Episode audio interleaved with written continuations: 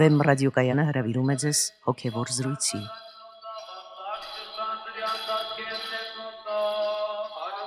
Սիրելի ունկնդիրներ, Վեմ ռադիոկայանի եթերում են արժանապատիվ Տեր Մեսրոպ Կահանա Արամյանը եւ Արա Սարգսակ Նալչաջյանը։ Այսօրվա մեր զրույցը աղանդների մասին է, Օրհնեցեք Տեր հայր։ Աստված օրհնի։ Տեր հայր, վերջերս Հայաստանի Հանրապետության կառավարությունը պաշտոնապես գրանցեց Եհովայի վկաներ կոչվող աղանդին որպես կրոնական կազմակերպություն եւ դա առիթ հանդիսացավ, որ այսօր մենք զրուցենք այդ մասին եւ առհասարակ աղանդների մասին։ Ընդհանրապես բոլոր դարերում աղանդների նկատմամբ վերաբերմունքը եղել է բացասական որտեղ էլ որ դրանք տարածված լինեն։ Ավելին դրանց դեմ պայքար է մղվել։ Այդ թվում նաև պետության կողմից որպես հասարակության համար քայքայիչ եւ վտանգ ներկայացնող երևույթի։ Մասնավորապես դա է վկայում նաև մեր հայ ժողովրդի պատմությունը Թոնդրակյանների եւ Պավլիկյանների օրինակով։ Ինչպիսին է մարդկանց վերաբերմունքը աղանդերի նկատմամբ այսօր եւ ինչ կարծիքի է մեր հասարակությունը Եհովայի վկաների վերջերս կատարված գրանցման մասին։ Պատահական ընտրությամբ բազմաթիվ մարդկանց մենք այս մասին հարց ենք ուղել եւ ահա թե ինչ են նրանք պատասխանել 1700 տարի առաջ 4 նույնպես հանդիսացել աղանդ մենք ունեցել ենք ասենք մեր կրոնը մեր աստվածները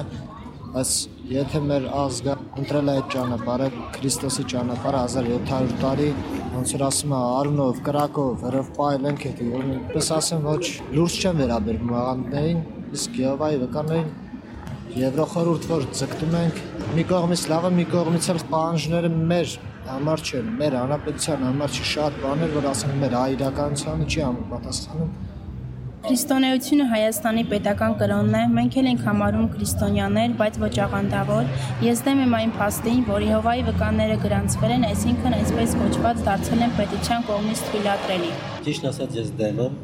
քանի որ ես գտնում եմ, որ պիտի հայ տղաները, եթե ծառայում հայ զմանակին, Եհովին ծառայեն, ոչ թե գնալով բանակ եւ կատարելով Եհովայի վկաների դերը, քանի որ նրանք չեն կրում զենք, պատասխանատվություն չեն կրում իրենց հայրենիքի նկատմամբ։ Ես բացարձակապես դեմ եմ նրանց եւ նրանց աղանդներին, թե իրանք ինչպես են վերաբերվում իրենց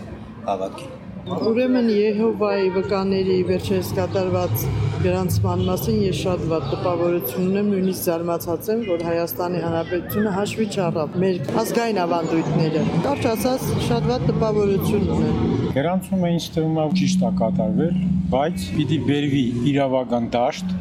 եւ իրավական դաշտի սահմաններում վերահսկողություն կատարվի։ Եթե չգրանցվեր, միևնույնն է նրանք գործելու էին եւ պայքարել դժվար կլիներ նրանց թվում։ Ինչ թվում է, որ գրանցումից հետո պայքարելն ավելի հեշտ կլինի օրենքի սահմաններում, օրենքի վերահսկողության տակ կլինի։ Ընդհանրապես բացասական կարծիք ունեմ դրանց բոլորի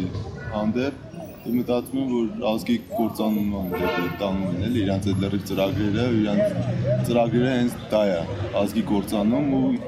իմ կարծիքով իրականանում է ծրագիրը։ Ինչ վերաբերում է Եհովայի վկաններին եւ ընդհանրապես աղանդներին, իմ կարծիքով բացասական վերաբերմունք եմ տածում դրանց մասին, իսկ ինչ վերաբերում է վերջին գրանցումներին, ես դրա մասին տեղյակ չեմ։ Գիտեք, ես չեմ խորացել, բայց ինչքան լսել եմ, ինչքան նայում եմ, ես տարբերությունը չեմ տեսնում։ Նույնը նրանք ճանաչում են Քրիստոսին, նրանք Աստված ճանաչում են, նույնը ինչ որ մեր եկեղեցին։ Այդ տարբերությունը որը չգիտեմ, միայն նրանց են, որ անմահություն նրանք կարողում են, բայց նրան իհարկե չեմ հավատում։ Աղանների մասին, այդ թվում նաև Եհովայի վկաների մասին խիստ բացասական կարծիք ունեմ Բայց գտնում եմ, որ այս որոշումը Թուրքիա Եվրոպայի մեջ մտնելու այդքան Ես կարծում եմ, որ այս խալը չպիտի ընդունեին բիովիների մասին։ Ես կարծում եմ, որ մենք все-таки христиане, они отклоняются от нашей истины։ Գիտես ինչ, ամենքը իրեն կարծիքը ունեն, բայց դրանց ես ոչ մի անգամ չեմ ընդունում։ Փողոցներն են գնում են, մարդկանց հավաքում են, հավատացնում են, քանի անգամ այդպես եղել է, այլ որ կաղնեցել են ուղակի, լինես իվայ վկա։ Ես էլ ասում եմ, պետք է հետ դառնաս։ Շատ բան են ասում, ես համաձայն չեմ դրանց գրանցման համար, չեմ հարգում ես իրենց աղանդների հանդեպ շատ անտարբեր են։ Իսկ Եհովայի վկաները թող լինեն, բայց օրենքի հսկողության տակ։ Հիմա որ հայ կրոնը ուրանում են, նրանց հարկորը ամեն ասպարեզից ձերկել։ Ես լրիվ դեմ եմ այդ բանին, որ գրանցել են վերջերքս։ Ու ընդհանրապես այդ աղանդների դեմ եմ։ Եկեղեցին էլ պետք է իր լուրջ խոսք ասի, որ տենց բաներ չտարածվի։ Ընդհանրապես աղանդների հանդեպ որևէ կարծիք չեմ կազմում, որովհետև ես պաշտում եմ եւ ընդունում եմ իմ եկեղեցին եւ կտրականապես դեմ եմ Եհովայի վկաների։ Որ ասեմ շատ կարճ, իհարկե լավ չի, որովհետեւ մեր կրոնը լրիվ ուրիշ է եւ չի կարծում, որ մենք կհասնենք այն վիճակի, որ մեզ մոտ կներխուժեն աղանդներ, որը իրոք ոչ հարազատ է մեր ժողովրդի։ Ես կարծում եմ, որ ժողովրդի մեծամասնությունը դրան դեմ է։ Իսկ ինչու է այսպես եղել, քանի որ անկախությունը բերեց նրան, որ ով ինչ ուզում է անում է, աղանդներ ստեղծում են եւ դրանով ես կարծում եմ, որ ուզում է որ քանդվի։ Գրանցումի առումով կարծում եմ, որ այնուամենայնիվ դա ճիշտ քայլ է, որովհետև իրավական դաշտ բերված կազմակերպությունը ավելի վերահսկելի է դառնում պետության կողմից։ Ես ինքս անձամ Յովայի վկայեմ պատրաստում դառնամ եւ գտնում եմ, որ այդ թույլատությունը ոչ մի վտանգ չի պարունակում մեր ազգի համար։ տեղյակ չեմ այդ գրանցումից, բայց ես չեմ ընդունում։ Բացասական լրիվ դեմ եմ, որ մի որևէ աղանդ ներմուծի, ներմտնի Հայաստան։ Դերեր ինչպես տեսանք հարցվողների ճնշող մեծամասնությունը, մոտ 80-85%-ը դեմ էր, կարելի ասել կտրականապես դեմ էր Եհովայի վկաների գրանցման եւ առասարակ աղաններին։ Այդ երևույթը գրանցում մարդիկ երբեմն պայմանավորում էին հասարակության մեջ ընթացող դեմոկրատական գործընթացներով, մասնավորապես Եվրոխորհրդին անդամակցելու Հայաստանի այս դրությամբ։ Մենք նաև բազմաթիվ ուրիշ մարդկանց հետ ենք զրուցել այս նույն հարցը ուղղել ենք դրանց եւ լսենք թե դարձյալ ինչպիսին են պատասխանները, ինչպիսին է մեր հասարակության ներկայացուցիչների վերաբերմունքը այս երևույթի հանդեպ։ Առանձնապես կարծիք չունեմ այդ մասին։ Ես ասեմ, որ ոչ մեկն էլ մի բան չի, ոչ Եհովականները, ոչ էլ էս մեր քրիստոնեական եկեղեցին։ Միշտ էլ եկեղեցին ժողովրդին եղեքող է եղել։ Ոչ մեկին էլ չեմ ընդունում։ Հա, ես շատ տեղակ չեմ Եհովաների վկաների գրանցման մասին, դա ինչ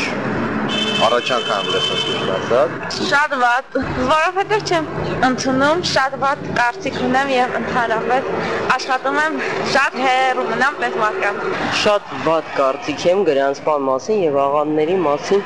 նմանապես, որտեղ ես գտնում եմ, որ ցանկացած ժողովուրդ ազգ ունի իր կրոնը հավատքը, պետք է դրան էլ հետևի։ Իսկ աղանները դրանք ուղակի, գիտեմ, հանգարում են մարդկանց ճիշտ ուղղությամբ շարժվել, ապրել եւ մտածել։ Կտրուկ դեմ եմ, կտրուկ եւ համաձայն չեմ։ Ես ամենաբադն եմ ընդունում, որ այդ օրենքը մերոնք ընդունում են շատ մեծ սխալ է, շատ անունով գրագետ է, բայց անգրագետ։ Ես վերասար վերջին գրասան մասին ոչինչ տեղյակ չեմ։ Դե վերաբերում այդ աղանդներին բացասական կարելի ասել էլի։ Այսինքն անտարբեր, ոչ կողմնակից են, ոչ էլ ինչ առանձնապես պատրաստում դրանց դեմ պայքար վարելու։ Աղանդների վերաբերյալ այն կարծիքն է, որ նրանք ուղակի մարդկանց հոգեբանության վրա ազդում են եւ մարդկանց լրիվ շեղում են, նորմալ մարդկանց դարձնում են հոգեկան հիվանդներ։ Չեմ լսել վերջերս կատարված մասին, իսկ աղանդերը քիչ են իսկ թվում Հայաստանում։ Եղածն վերացել է երևի։ Հացածական, որտեղ հայ ժողովուրդը քրիստոնյա է եղել արդեն 4-րդ դարն է եւ ինձ թվում է սխալ է, որ քրիստոնեությունը փոխում են ինչ-որ այլ աղանդների հետ։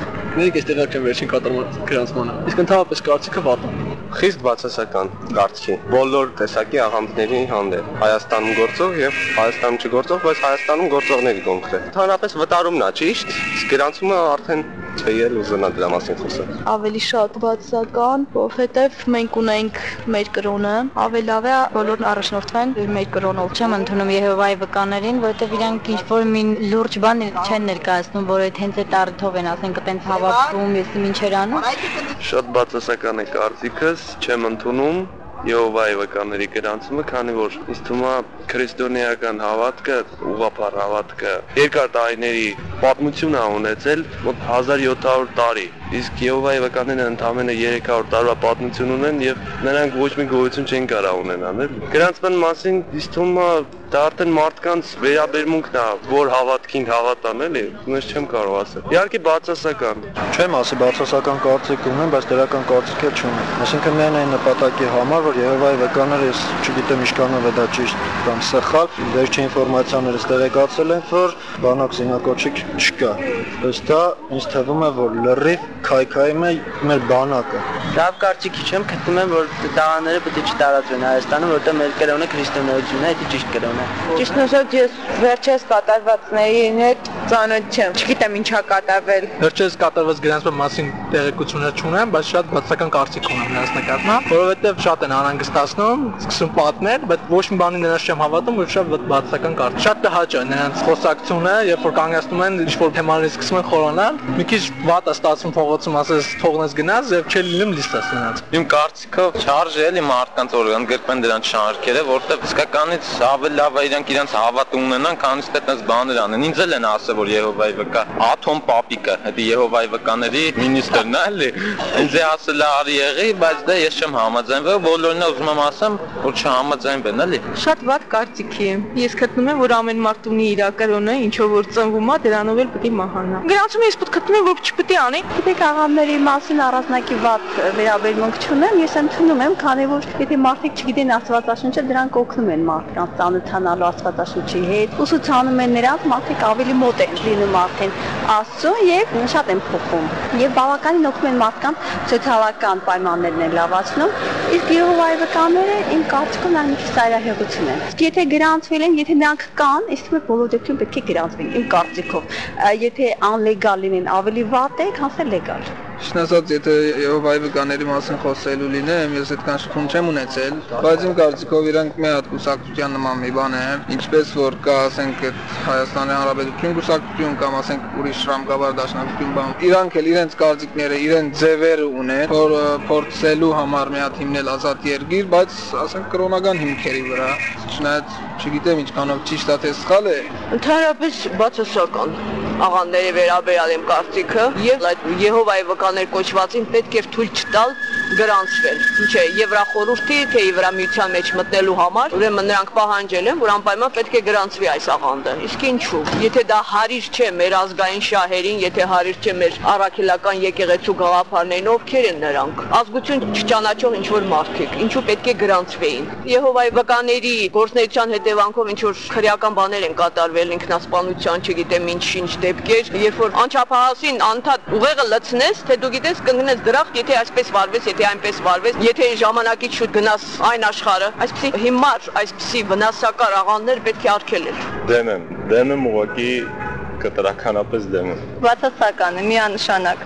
միայն բացասական։ Ոչ մի լավ բան ես այդտեղ չեմ տեսնում։ Ընդհանրապես շատ բացասական եմ վերաբերվում աղանդների։ Եհովայի վկնա, բավարշե աղանդների հանդեպ իմ վերաբերմունքը բացասական է շատ, քանի որ նրանք շեղված են մեր եկեղեցու ու քրիստոնեության հավաքից։ Լավ չեմ վերաբերվում, արժում է որ մեր ասկի համար լավ բան չի։ Աղանդների հանդեպ շատ բաց կարծիքի եմ, բայց դե վկաների գերանցի մեջ երևի ինչ բաներ է դեր բանարված Եվրոխորհրդի բանի հետ։ Մեր եկեղեցին պետք է պայքարի դերանեն։ Աղանդների հանդեպ ընդհանրապես բացասական վերաբերմունք, իսկ Եհովային վկաների վերաբերմունք ընդհանրապես չունեն, որովհետև նրանք վերաբերմունքի արժաններ չեն։ Աղանդավորների նկատմամբ շատ բացասական տրամադրվածություն ունեմ, իսկ Եհովայի վկաների այդ գրանցմանը երևի թե կողմ եմ, որովհետև այդ միակ միջոցը կլինի, որ իրանց վրա ինչ որ թերություն բռնացնեն, հսկողություն լինի ու դրանից հետո իրանց կարենան վտարեն կամ ինչ որ նման մի բան անեն։ Շատ սովորական կարծիք ունեմ Եհովաների վերաբերյալ, որովհետև ամեն մարդ ունի իր հավատը։ Ասու նկատում եմ, այսինքն ամեն մարդ ունի իր իրավունքը ընտրելու ինչ հավատի է նա ուզում պատկանի։ Ես միայն հավատում եմ Աստծուն, քրիստոնեությունն եմ ես ընդունել, Եհովաներին չեմ հավատում։ Ընդհանրապես չեմ ընդունում ես իրան։ Տաղանդավորները լավ բան չի։ Մենք ունենք մեր եկեղեցին եւ ընդունում ենք այն դրույթները, որը որ մեր եկեղեցին Սուրբ Էջմիածինն է մեզ ուսուցանում։ Այնպես որ դա մենք չենք ընդունում որպես եկեղեցական, որպես հոգևոր աշխարհի անձանց։ Դեր այս հարցումը մենք կատարել էինք պատահական վայրերում, ոչ կրոնական պաշտամունքային վայրերին մոտ, ոչ եկեղեցիների մոտ կամ այլ պաշտամունքային վայրերի մոտ, այլ փողոցներում, զբոսայգիներում, որպեսզի մեր համար բարձվի իրական պատկերը, ինչպիսին է մեր հասարակության վերաբերմունքը աղանների եւ կոնկրետ այս Եհովայի վկաների գրանցման հանդեպ։ Եվ ահա արդյունքները կարելի ասել, որ ապշեցուցիչ են։ Մոտ 80-85% ճնշող մեծամասնությունը մեր ազգաբնակչության դեմ է աղաններին եւ Եհովայի վկաներին մասնավորապես։ Մոտ 10%-ը հանդուրժող վերաբերմունք ուներ, ելնելով նրանից, որ դեմոկրատական գործընթացներին զուգընթաց խղճի ազատության եւ այլն նմանատիպ գաղափարներով ամեն մարդ իրավունք ունի պաշտելու այն կրոնը, որը ինքն է հարմար գտնում եւ առավել եւս մեծաթիվ էին այս 10-15%-ի մեջ այն մարդիկ, որոնք հանդուրժելի էին համարում Եհովայի վկաների այս գրանցումը, սակայն չէին խրախուսում եւ հանդուրժելի այն պատճառով, որպեսզի իրավական դաշտում լինեն նրանք եւ պետության կողմից վերահսկելի լինեն։ Եվ ընդամենը մինչև 5% թերևս որ դրական էր արձագանքը Եհովայի վկաների գրանցման։ Եվ միայն մեկ մարդ այս բազմաթիվ տասնյակ մարդկանցից հարցվող, ասաց որ ինքը պատրաստվում է Եհովայի վկա դառնալ եւ բնականաբար նորմալ է վերաբերում այս գրանցմանը։ Ինչով եք պայմանավորում ընդհանուր մեր ազգի, մեր ժողովրդի այսպիսի նեգատիվ ժխտողական վերաբերմունքը այս երևույթի հանդեպ։ Այս նեգատիվ վերաբերմունքը այս հարցումների համաձայն բացառիկ մասշտաբ ունի մեր ժողովրդի մեջ, սոս պայմանավորված չէ նրանով, որ մենք ուզում ենք հակառակվել նրանց կամ մենք հանդուրժող ժողովուրդ չենք։ Ընդհակառակը, եթե մենք նայենք մեր ժողովրդի պատմության վրա, նաև ոչ վաղ անցյալի վրա կտեսնենք, որ մենք թերևս աշխարհի ամենահանդուրժող ժողովուրդներից մեկն ենք եղել նույնիսկ օրինակ զարմանալի է, երբ որ ամբողջ ասենք սովետական միությունում հալածանքներ կար զանազան ուղություններով, ասենք հрьяաների նկատմամբ, օրինակ հայտնի փաստ է, որ Հայաստանում անգամ գրանցված չի եղել մեկ դեպք։ Նույն ռուսական համայնքի եւ այլ։ Ընդհանրապես մենք ուրիշ ազգերին հարգող, ուրիշ ազգերի մշակույթը սիրող եւ հանդուրժող ժողովուրդ ենք։ Եվ նույնիսկ պատմական այսպիսի ուսումնասիրություններ կան։ Մենք Գանձասարի հատորներում հրատարակել ենք դավանական հանդուրժողական հանդուրժողականության մասին։ Նույնիսկ համեմատության մեջ են դրվել մեր դավանաբանական հակաճարական գրվածքները մեր ընդդիմախոսների գրվածքների հետ եւ ողջվում է որ մենք ունեցել ենք պատմականորեն շատ ավելի հանդուրժողական կեցվածք մեր ընդդիմախոսների նկատմամբ Եվ ես նույնիսկ կարող եմ ասել, որ սա հենց նաև հայ ժողովրդի կարևոր ֆենոմեններից մեկն է, եթե կարճ մի արտահայտությամբ փորձեմ սա սահմանել, ապա կասեմ, որ սա սիրո քաղաքականություն է։ Եվ սա է եղել թերևս այն պատճառը, որ մենք կարողացել ենք այս պատմական սոսկալի վայրի վերումների մեջ զարմանալիորեն գոյատևել։ Եթե գոյատևել ենք, ուրեմն նշանակում է մեր մեջ սիրո այդ աստիճանը եղել է բավականին բարձր։ Ուրեմն սա ատելության կեցվածք չէ, սա հանդուրժ հաջողականության կեցվածք չէ, ուրեմն պետք է մենք խորապես հասկանանք, թե ինչ է սա։ Ինչու այդքան մեծ թվով մարդիկ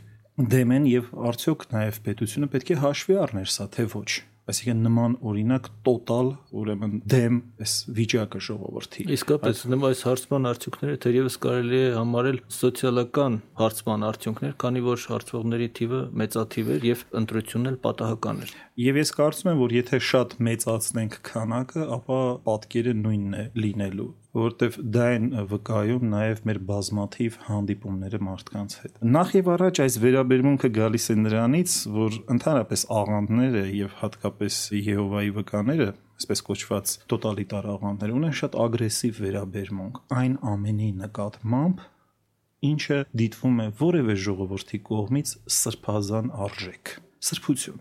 այլ կերպ ասած այն ինչ որ որ մեզ համար սրբություն է այդ մարդկանց համար ատելի եւ խորշելի է։ Ոչ միայն ատելի եւ խորշելի է, իրենք նպատակ են դրել այդ ամենը ոչնչացնել։ Դա նրանք համարում են, որ չարից է, այդ բոլոր բաները, այսինքն այն ինչ որ հայ ժողովուրդը կուտակել է դարերի ընթացքում, դա նրանց համար չարի ժառանգություն է։ Եվ նրանց կողմից ուղակի ճիք ու ջանք է գործադրում այդ ամենը ոչնչացնելու ուղղությամբ։ Եվ այստեղ միանգամայն բնական է ռեակցիան, այսինքն նույնիսկ մենք տեսանք, որ շատ ոչ հոգևոր գիտակցություն ունեցող մարդիկ զուտ ազգային տեսանկյունից ելնելով դեմ են ուղակի դրան, որովհետև դրա մեջ իրենք տեսնում են գույաբանական վտանգ որտեղ ազգայինը, հոգևորը, քո սրբազան արժեքները թշնամական կատեգորիաներ են Եհովայի վկաների համար։ Պետությունը ամեն բան ինչ որ քո ազգը կուտակել է։ Քո անցյալի վրա նրանք նայում են որպես մոլորյալների պատմության վրա, այսինքն 1700 տարի եւ դրանից առաջ էլ հազարավոր տարիներ հայ ժողովուրդը եղել է մոլորյալ եւ ահա մի մարդու կողմից հնարված ուսմունք Ռասելի մասին եմ ասում, որը Եհովայի վկաների հիմնադիրն է, պետք է լուսավորի համայն մարդկության կյանքը, այդ թվում նաև հայերի կյանքը։ Եվ նորից եմ ասում, այս ռեակցիան միանգամայն բնական ռեակցիա է, որովհետև դրա մեջ յուրաքանչյուր մարդ լինի ինքը գիտակցական քրիստոնյա կամ ոչ գիտակցական քրիստոնյա, ազգային տեսանկյունից կամ հոգևոր տեսանկյունից դիտում է մեծ գոյաբանական վտանգ, որովհետև այնինչ դու ունես, դա նրանց համար թշնամական է եւ դա համարում են նրանք կեղծիկ եւ համարում են որ դու պիտի թողնես այդ ամենը, հրաժարվես այդ ամեն ինչից եւ հետեւես իրենց։ Սա է պատճառը, անմիջական այդ ռեակցիայի պատճառը սա է։ Եթե խոսելու լինենք ընդհանրապես աղանդերի մասին, այդ թվում նաև Եհովայի վկաների մասին, ապա մենք ենթագիտակցորեն կարծես զգում ենք, որ ինչ որ բան նրանց միավորում է, ինչ որ բան ընդհանուր է նրանց մեջ։ Որն է դա, ինչ հանգամանք է դա, կամ ընդհանրապես հարցայել կերպով եթե դնելու լինենք, կարելի է արդյոք սահմանել ինչ է աղանդ։ Իհարկե կարելի է սահմանել ինչ է աղանդը եւ կարելի է նաեւ ասել աղանդների բնորոշիչ գծերը եւ ինչով են նրանք միավորված։ Նախ աղանդ նշանակում է ուղափառ ուսմունքից, ճշմարիտ դավանությունից շեղված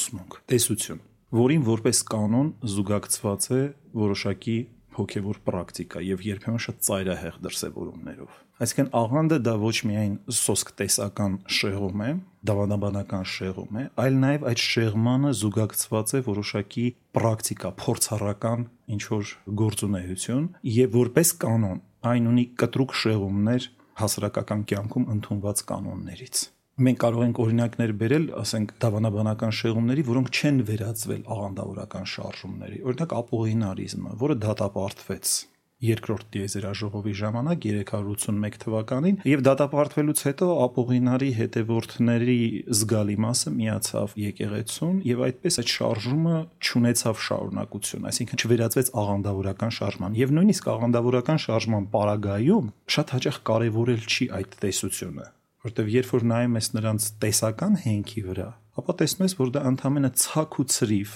պատահմունքային կծկտուր հավաքած գիտելիքներ են եւ որևէ աստվածաբանական քննադատության քննարկման չեն դիմանում։ Իսկ ինչպես է լինում, որ այդքան մեծաթիվ մարդիկ եւ այն այդպիսի ջերմեռանդությամբ, այդպիսի նվիրվածությամբ սկսում են ծառայել ինչ որ մեկի կամքին նրա հնարած ուսմունքի միջոցով։ Դրա համար մենք պետք է նաև դիտարկենք մնացած բնորոշիչ գծերը աղանդների։ Որպես կանոն աղանդները ունեն այսպես կոչված առաջնորդի հանգամանք։ Այսինքն, այստեղ շատ կարևոր է առաջնորդների դերը։ Եվ որպես կանոն դրանք լինում են հիմնադիրները, լինում են շատ օժտված մարդիկ, մարդկանց վրա հատուկ ներազդելու առումով, եւ նրանցից շատերը նույնիսկ պատրաստություն են անցնում այդ ուղությամբ։ Օրինակ, շատ հայտնի է, որ որոշ աղանդապետեր նույնիսկ անգամ դասընթացներ են անցել, ասենք շատ հայտնի կախարդների մոտ, օրինակ Քրոուլի մոտ եւ այլն, որպեսի կարողանան հատուկ ձևով ներազդել մարդկային գիտակցության վրա։ Այսինքն աղանդավորական շարժումների մեջ մեծապես գործածվում մարդկանց գիտակցությունը խեղաթյուրելու այս գործընթացը եւ զանազան հնարքներ են օգտագործում մագիայի, սատանիզմի եւ այլն զանազան հնարքներ մարդկային գիտակցությունը զոմբիացնելու համար։ Այսինքն կարող ենք ասել, որ աղանդի մեջ հայտնվելով մարդու հետ շատ յուրահատուկ փոփոխություն է տեղի ունենում։ Ինքը կորցնում է սեփական ազատությունը կամ վաճառում է իր ազատությունը որոշակի հոգեբանական կոմֆորտ ձեռք բերելու համար։ Եվ եթե դուք հարցնում եք ինչի համար են մարդիկ գնում դեպի աղանները, որովհետև աղանները մարդկանց տալիս են որոշակի կեղծ հոգեբանական կոմֆորտ։ Այսինքն մարդը այնտեղ հայտնվելով հայտնում է որոշակի էկստատիկ վիճակների մեջ եւ իրան թվում է թե հենց այդ վիճակը հոգեվորն է որոշակի զգացական էկստազների մեջ է հայտնվում եւ նաեւ տեսնում է իր նման շատ այլ մարդկանց Եվ եթե շատ մարդիկ այդ նույն բանը անում են, ուրեմն հենց ճշմարտությունը դա է։ Եվ հենց այդ շրջանակի մեջ էլ կարողանում են նրանց ղեկավարները նրանց տևապես պահել։ Այլ կերպ ասած, եթե մենք համեմատություն անենք ֆիզիկական որևէ process-ի հետ, կարող ենք ասել, որ Մարդը հիվանդ է եւ ինքը ունի լուրջ խնդիրներ, ֆիզիկական հիվանդություն։ Սակայն այդ մարդու հիվանդությունը բուժելու համար մենք ոչ թե գնում ենք դեպի այդ հիվանդության սկզբնապատճառը եւ կարող է երբեմն վիրահատության պետք լինել, զանազան այլ միջամտությունների, լուրջ հնարքների կարիք լինել, որովհետեւ այդ մարդը ամբողջովին ապակինվի։ Այլ ընդհանրապես նրան տալիս ենք ինչ որ թմրադեղեր որպեսզի ինքը արժամյա մոռանա իր հիվանդության մասին։ Երբ որ այդ թմրադեղ, այդ հաբը մարդը ընդունում է, իրեն թվում է, որ ինքը լավացավ, նույնիսկ ժամանակավոր երանական վիճակի մեջ է հայտնվում եւ այլն, եւ իրեն թվում է բուժվեց։ Հենց որ նորից այդ ցավերը սկսում են նրան խեղդել, նորից այդ հաբը տալիս են, որպեսզի ինքը չգիտակցի իր բուն խնդիրը ինչումն է կայանում եւ ինչից ինքը պետք է ապակինվի։ Եվ շատ հաճախ նրանք հենց այդպես էլ մարդկանց մոտենում են։ Ասում են դուք խնդիրներ ունեք որ մարդը չունի խնդրեմ։ Բոլոր մարդիկ էլ ունեն հոգևոր խնդիրներ, եւ նրանք ասում են մենք գլուծենք ձեր խնդրեմը, համեցեք մեզ մոտ եւ ձեր կյանքի բոլոր խնդիրները գլուծվեն։ Եվ մարդիկ գնալով այնտեղ շատ հաճախ նաեւ իրենց կյանքում ճանենալով քիչ թե շատ լուսավոր պահեր, հոգևոր ապրումներ եւ այլն, անմիջապես նետվում են այդ էկստատիկ ապրումների հորձանոթը եւ դա շփոթում են հոգևոր հետ, սակայն հոգևորը որևէ ձևով կապ չունի նմանօրինակ խապկանքների հետ եւ հոգևորը դա շատ լուրջ ճանապարհ են նախ եւ առաջ ինչ է ուսուցանում եկեղեցին որ հոգևոր գիտելիքը պետք է աշխատի քո անձնական ազատությանը զուգընթաց եւ ոչ թե քո ազատությունը դու պետք է վաճառես որոշակի ապրումներ ձեռք բերելու համար։ Այսինքն հոգևորը դա ինչ որ հոգեբանական կոմֆորտ չէ, հարմարավետություն չէ ընդհանրապես, ինչ-ինչ իրականությունից փախնելու համար։ Դա լուրջ ազատագրման ճանապարհ է դա խաչի ճանապարհ է երբ որ դու կամովի եւ ազատորեն ես անցնում այդ ճանապարհը համար առաջի սկզբունքը եկեղեցու վարդապետության որ դու չպետք է կորցնես քո ազատությունը այլ այն հոգեվոր գիտելիքը որ տրվում է քեզ դու ազատորեն քո ազատ կամքով պետք է կարողանաս իրագործել քո սեփական փորձառությամբ։ Միայն այդ դեպքում դու կարող ես ասել, որ դու ճշմարտապես քայլում ես հոգևոր ճանապարհով։ Ուրեմն աղանդների բնորոշիչ կողմերից մեկը նաև ազատության կորուստն է եւ զոմբիացման վիճակը, որ դու հայտնվում ես կախված մի վիճակում քո առաջնորդների կամքից։ Եվ նույնիսկ զարմանալի է, օրինակ ասենք Եհովայի վկաների պարագայում, ասենք մի օրինակ բերեմ։ Օրինակ նրանց չի կարելի կարդալ ոչ եհովայական գրականություն Դա իրենց կոդեքսի մեջ է մտնում։ Ես բազմիցս առիթ եմ ունեցել, երբ որ նրանց հետ զրուցել եմ, նախ տեսնում եմ հոգևոր տեսանկյունից շատ ցածր մակարդակ է եւ բավականին լուրջ տգիտություն ունեն։ Իրենց ասում եմ վերցրեք այս գրքույկը կարդացեք, ես ձեր գրականությունը կարդացել եմ, վերցրեք այս գրքույկը կարդացեք, հետո եկեք իրար հետ քննարկենք, զրուցենք եւ նրանք այսպես մեղմ ժպիտով մերժել են գիրքը անգամ իրենց ձեռքը վերցնել։ Այսինքն սա նույնպես վկայում է հիվանդության մասին։ Եվ հետո դա բերում է զանազան այլ շեղումների։ Այդ զոմբիացման վիճակում նրանց նույնիսկ արգելված է քեզ լսել նրանք ունեն ստանդարտ պատասխաններ եւ երբ որ իրենք իրենց ստանդարտ պատասխաններից որևէ մեկը չեն կարողանում դնել քո հարցերի առաջ, իրենք չպետք է շարունակեն մտածել, իրենք պետք է գան իրենց առաջնորդներից հարցնեն, թե ինչպես պետք է պատասխանել։ Իրենք իրավունք չունեն ինքնուրույն դատողություններ անելու։ Այլ կերպ ասած, մարդը լրիվ հոգեբանորեն փակվում է արտաքին աշխարհի նկատմամբ։ Ինքը դադարում է արտաքին աշխարից իմպուլսներ ընդունել, կորցնում է լսելու ունակությունը առհասարակ Իսկ երբ որ մարդը կորցնում է լսելու ունակությունը, սա արդեն հոգեկան հիվանդություն է։ Սա շատ լուրջ հոգեկան շեղում է եւ ինչ որ առումով կարող ենք ասել, որ աղանդավորությունը դա լուրջ հոգեկան հիվանդություն է։ Թեպետ ինքը կարող է արտակուստ, այդպես ընդգծված բացահայտ շեղումներ չունենալ, բայց իր բնույթով դա լուրջ խանգարում է։ Բացի դրանից նաև կարող ենք այլ հանգամանքներ ցույց տալ, որ օրինակ Եհովայի վկաների պարագայում եւ նաեւ ուրիշ աղանդերի параգայում։ Կա մեկ հանգամանք, որ իրենք ավանդական սրբազան գրքերը հետևողականորեն եւ ջանասիրաբար աղավաղում են կամ նոր սրբազան գրքեր են մեջտեղ հանում կամ նոր, այսպես ասած, մարգարեություններ են մեջտեղ հանում։ Օրինակ հայտնի փաստ է թե ինչպես են աղավաղել Եհովայի վկաները Սուրբ Գիրքը իրենց թարգմանությունների մեջ իրենց անգրագետ օրինակ բոլոր այն տեղերը որոնք վերաբերում են Հիսուս Քրիստոսի աստվածությանը նրանք միտումնավոր կերպով աղավաղում են որպեսի ցույց տան որ Հիսուս Քրիստոս աստված չէ եւ այդ մասին ոչ միայն կա գրված բազմաթիվ գրականություն այսինքն շատ է խոսվել այս մասին այդ մասին նաեւ եղել են դատավարություններ Հավանաբար Եհովայի վկաներից շատերը չգիտեն, թե իրենց առաջնորդներին քանի անգամ են դատի տվել կեղծարարությունների համար սուրբ գրքի նկատմամբ կեղծարարություններ անելու պատճառով Եվ շատ ուշագրավ է, երբ որ նրանց առաջնորդ Ռասելը կատարեց այդ իր նշանավոր թարգմանությունը, որտեղ լրիվ աղավաղել էր Հիսուս Քրիստոսի մասին ասված այդ տեղիները եւ հայտարարել էր, որ ինքը հունարենից էր թարգմանել, դատավարության պրոտոկոլը կա հենց հիմա իմ առջև, եւ երբ որ դատավորը նրան հարց է տալիս, դուք գիտեք հունարեն, ինքը պատասխանում է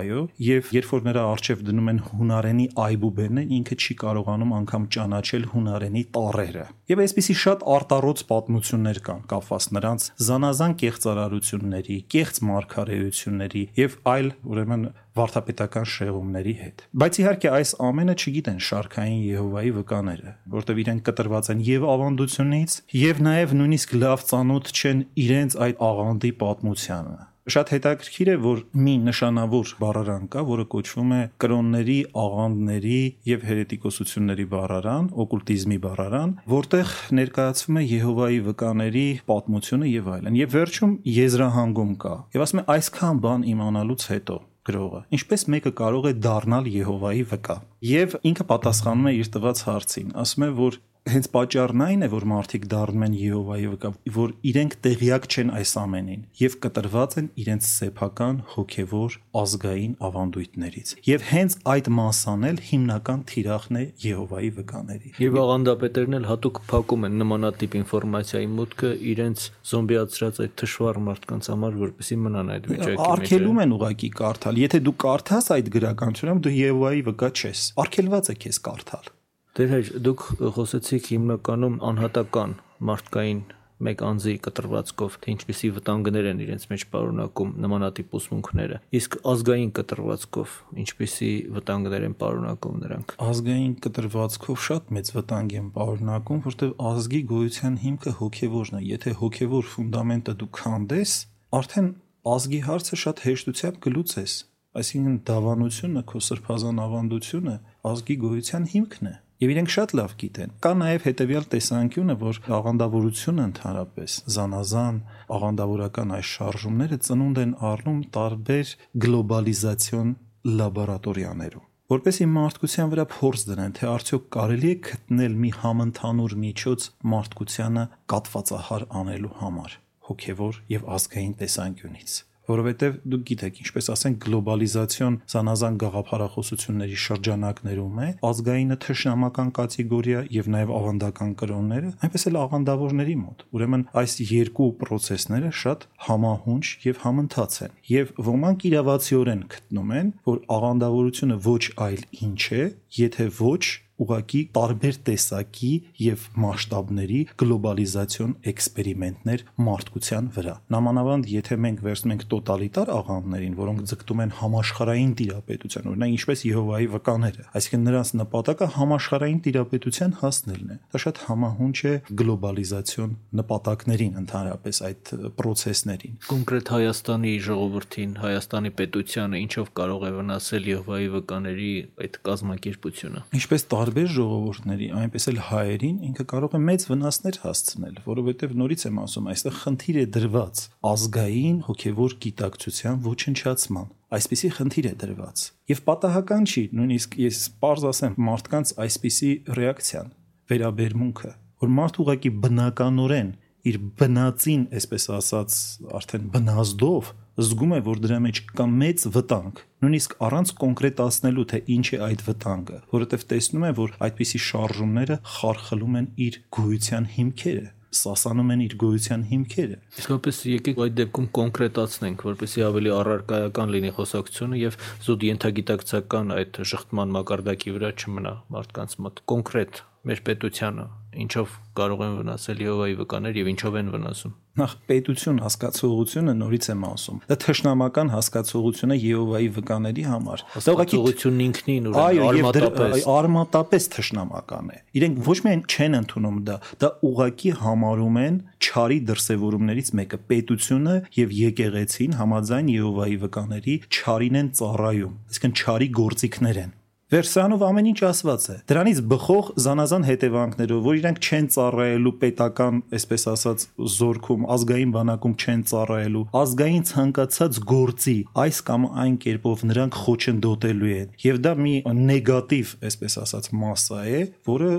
գոյանում է քո ժողովրդի ներսում։ Այսինքն եթե պատերազմ լինի, ուրեմն պետք է թիկունք դարձնեն, բայց պատերազմական իրադրություններում գնդակահարում են նման դեպքերում։ Եվ շատ ժողովուրդներ են կանգնել այս խնդրի առաջ օրինակ պատմականորեն Կանադան է կանգնել այսպիսի խնդրի առաջ, երբ որ երկրորդ աշխարհամարտի ժամանակ Եհովայի վկաները կոչ էին անում չկրվել եւ Կանադան ուղակի հարցեր դրել Եհովայի վկաների արտաքսման, այսինքն ուզում եմ ասել, որ զանազան պետություններում այս խնդիրները արդեն առաջացել են։ Մենք ուղակի լավ ծանոթ չլինելով պատմությանը եւ գտնվելով այս Եվրո խորհրդի եւ այլն ահռելի ճնշման տակ, մենք կատարում ենք քայլեր, որ հետո այդ քայլերի հետևանքները պիտի ճաշակեն։ Այո, այո, անպայման պետք է ճաշակենք։ Բարեբախտաբար ես գտնում եմ, որ մեր ժողովրդի ճնշող մեծամասնությունը դեմ է ընդհանրապես հարցումներն են ցույց տալիս աղանդավորական շարժումներին առհասարակ եւ մասնավորաբար Եհովայի վկաներին, եւ չեմ կարծում, որ նրանք կարող են մեծ թիվ կազմել համաձայն ինչ-ինչ հարցումների, տվյալների, նրանց գրանցված անդամների քանակը մոտ 8000 է եւ բարեբախտաբար դա շատ մեծ թիվ չէ թեպետ մեծ թիվ է, այսինքն փոքր ժողովրդի համար 8000 այնքան էլ քիչ թիվ չէ բայց դա չես կարող համատել տասնյակ եւ 100 հազարավոր հայ առաքելական եկեղեցի հաճախող մարդկանց քանակի հետ։ Ուրեմն ինչպեսի լուծումներ կառաջարկեիք դերեր, ինչպես վարվենք, ինչ անենք մենք Հայաստանի Հանրապետության շարքային քաղաքացիներս կամ պետության ղեկավարները կամ եկեղեցու առաջնորդները կամ ընդհանրապես մեր հասարակության զանազան շերտերը, որը ինչ քայլ կարող է անել, ինչպիսի ռեակցիա, ինչպիսի արձագանք կարող է դրսևորել այս բացասական երևույթի դեմ։ Օրինակ, երբ գալիս են քեզ քարոզելու, ինչ անես։ Եհովայի վկաները թակում են քո դուռը Մինչև այդ թակելու, երբ որ թակում են ինչպես պատասխանես դրան անդրադառնալը, ես կուզենայի ասել, որ նախ եւ առաջ մենք բոլորս կարիք ունենք ճանաչելու, թե ով ենք մենք եւ որն է մեր դավանությունը, որն է մեր հավատքը եւ ընդհանրապես ինչն է մեր ազգի գոյության հիմքը։ Առանց ճանաչելու շատ տարերայնորեն մենք կարող ենք դեմ լինել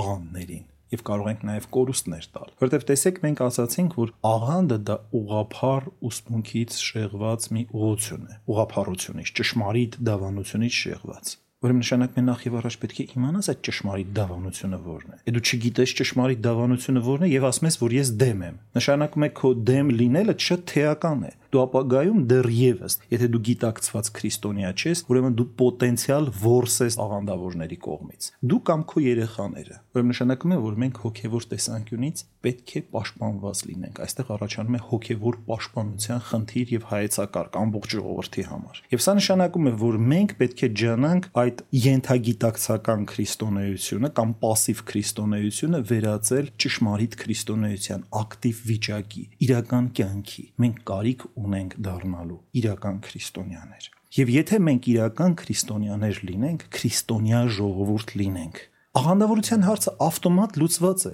որտեղ այդ գիտակցության մեջ այլևս տեղ չկա աղանդավորության համար։ Աղանդավորները այնքան ժամանակ կարող են մեզանից մարդ փախցնել, որքան մենք դեռ քրիստոնյա չենք կամ пассив է մեր քրիստոնեական գիտակցությունը։ Ուրեմն սա է համար առաջի հրամայականը։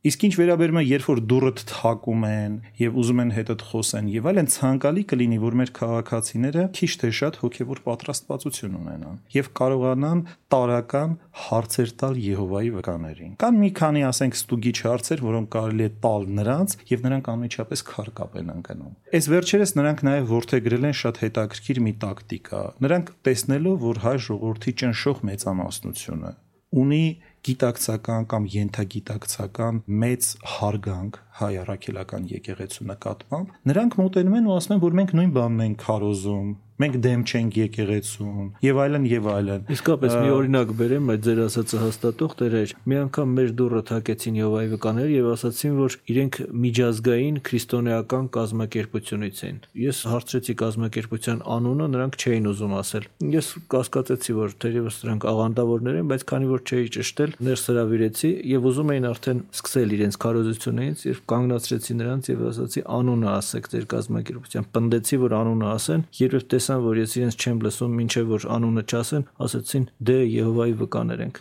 Եվ այդ դեպքում որոշ ավետարանական համարներ նրանց վերելուց հետո ստիպված եղավ վռնդել։ Սա լավագույն ապացույցներից մեկն է եւ ես արդեն բազմիցս առիթ եմ ունեցել լսելու նմանօրինակ վկայություններ, որ նրանք սկսում են փոխել իրենց քարոշչության տակտիկան, որտեղ Եհովայի վկաներ անուն արդեն դարձել է ատելի անուն հայ ժողովրդի համար եւ ստիփած նրանք արդեն քրիստոնեության անունից են ներկայանում։ Բայց հարց է առաջանում, արդյոք այս մարդիկ քրիստոնյա են եւ կարելի է արդյոք ընդհանրապես Եհովայի վկաներին համարել նույնիսկ քրիստոնեական աղանդ։ Պարզվում է, որ չի կարելի որովհետև եթե մի աղանդ չի ընդունում Հիսուս Քրիստոսի աստվածություն, այսինքն նրա աստված լինելը եւ դրանով վտանգի տակ է դնում ընդհանրապես ամբողջ փրկagorցությունը, որովհետև համաձայն փրկagorցության Աստված պետք է մարթանար, որպեսի մարդն Աստվածանա։ Առանց դրա հնարավոր չէր հաղթահարել երկրից դեպի երկինք ճանապարհը։ Սա է քրիստոնեական փրկagorցության ոսկե կանոնը։ Այսինքն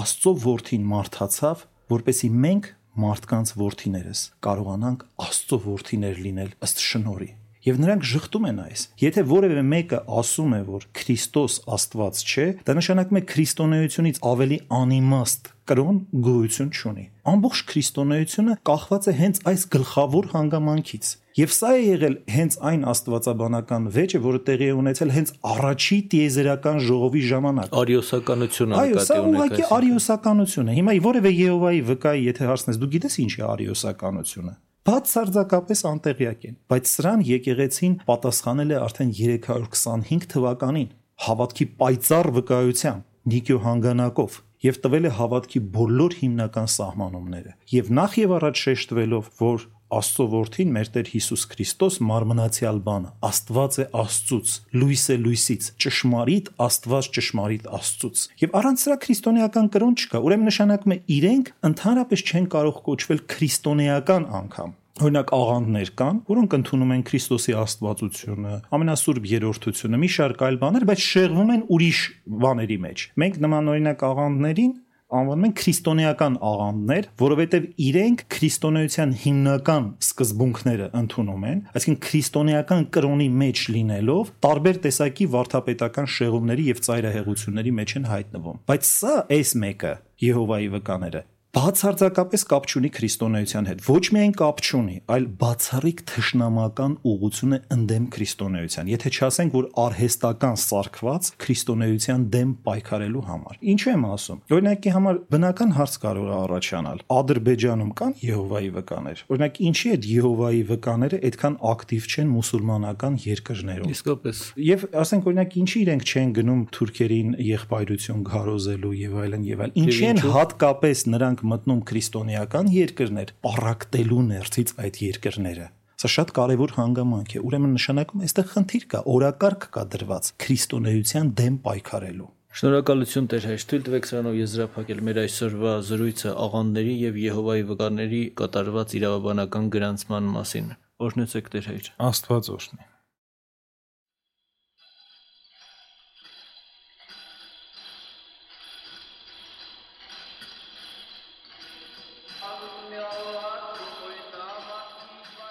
Հոգևոր զրույցներ հաղորդաշարի հերթական հաղորդումը վարեց Արաս Սարգսակ Նալչաջյանը։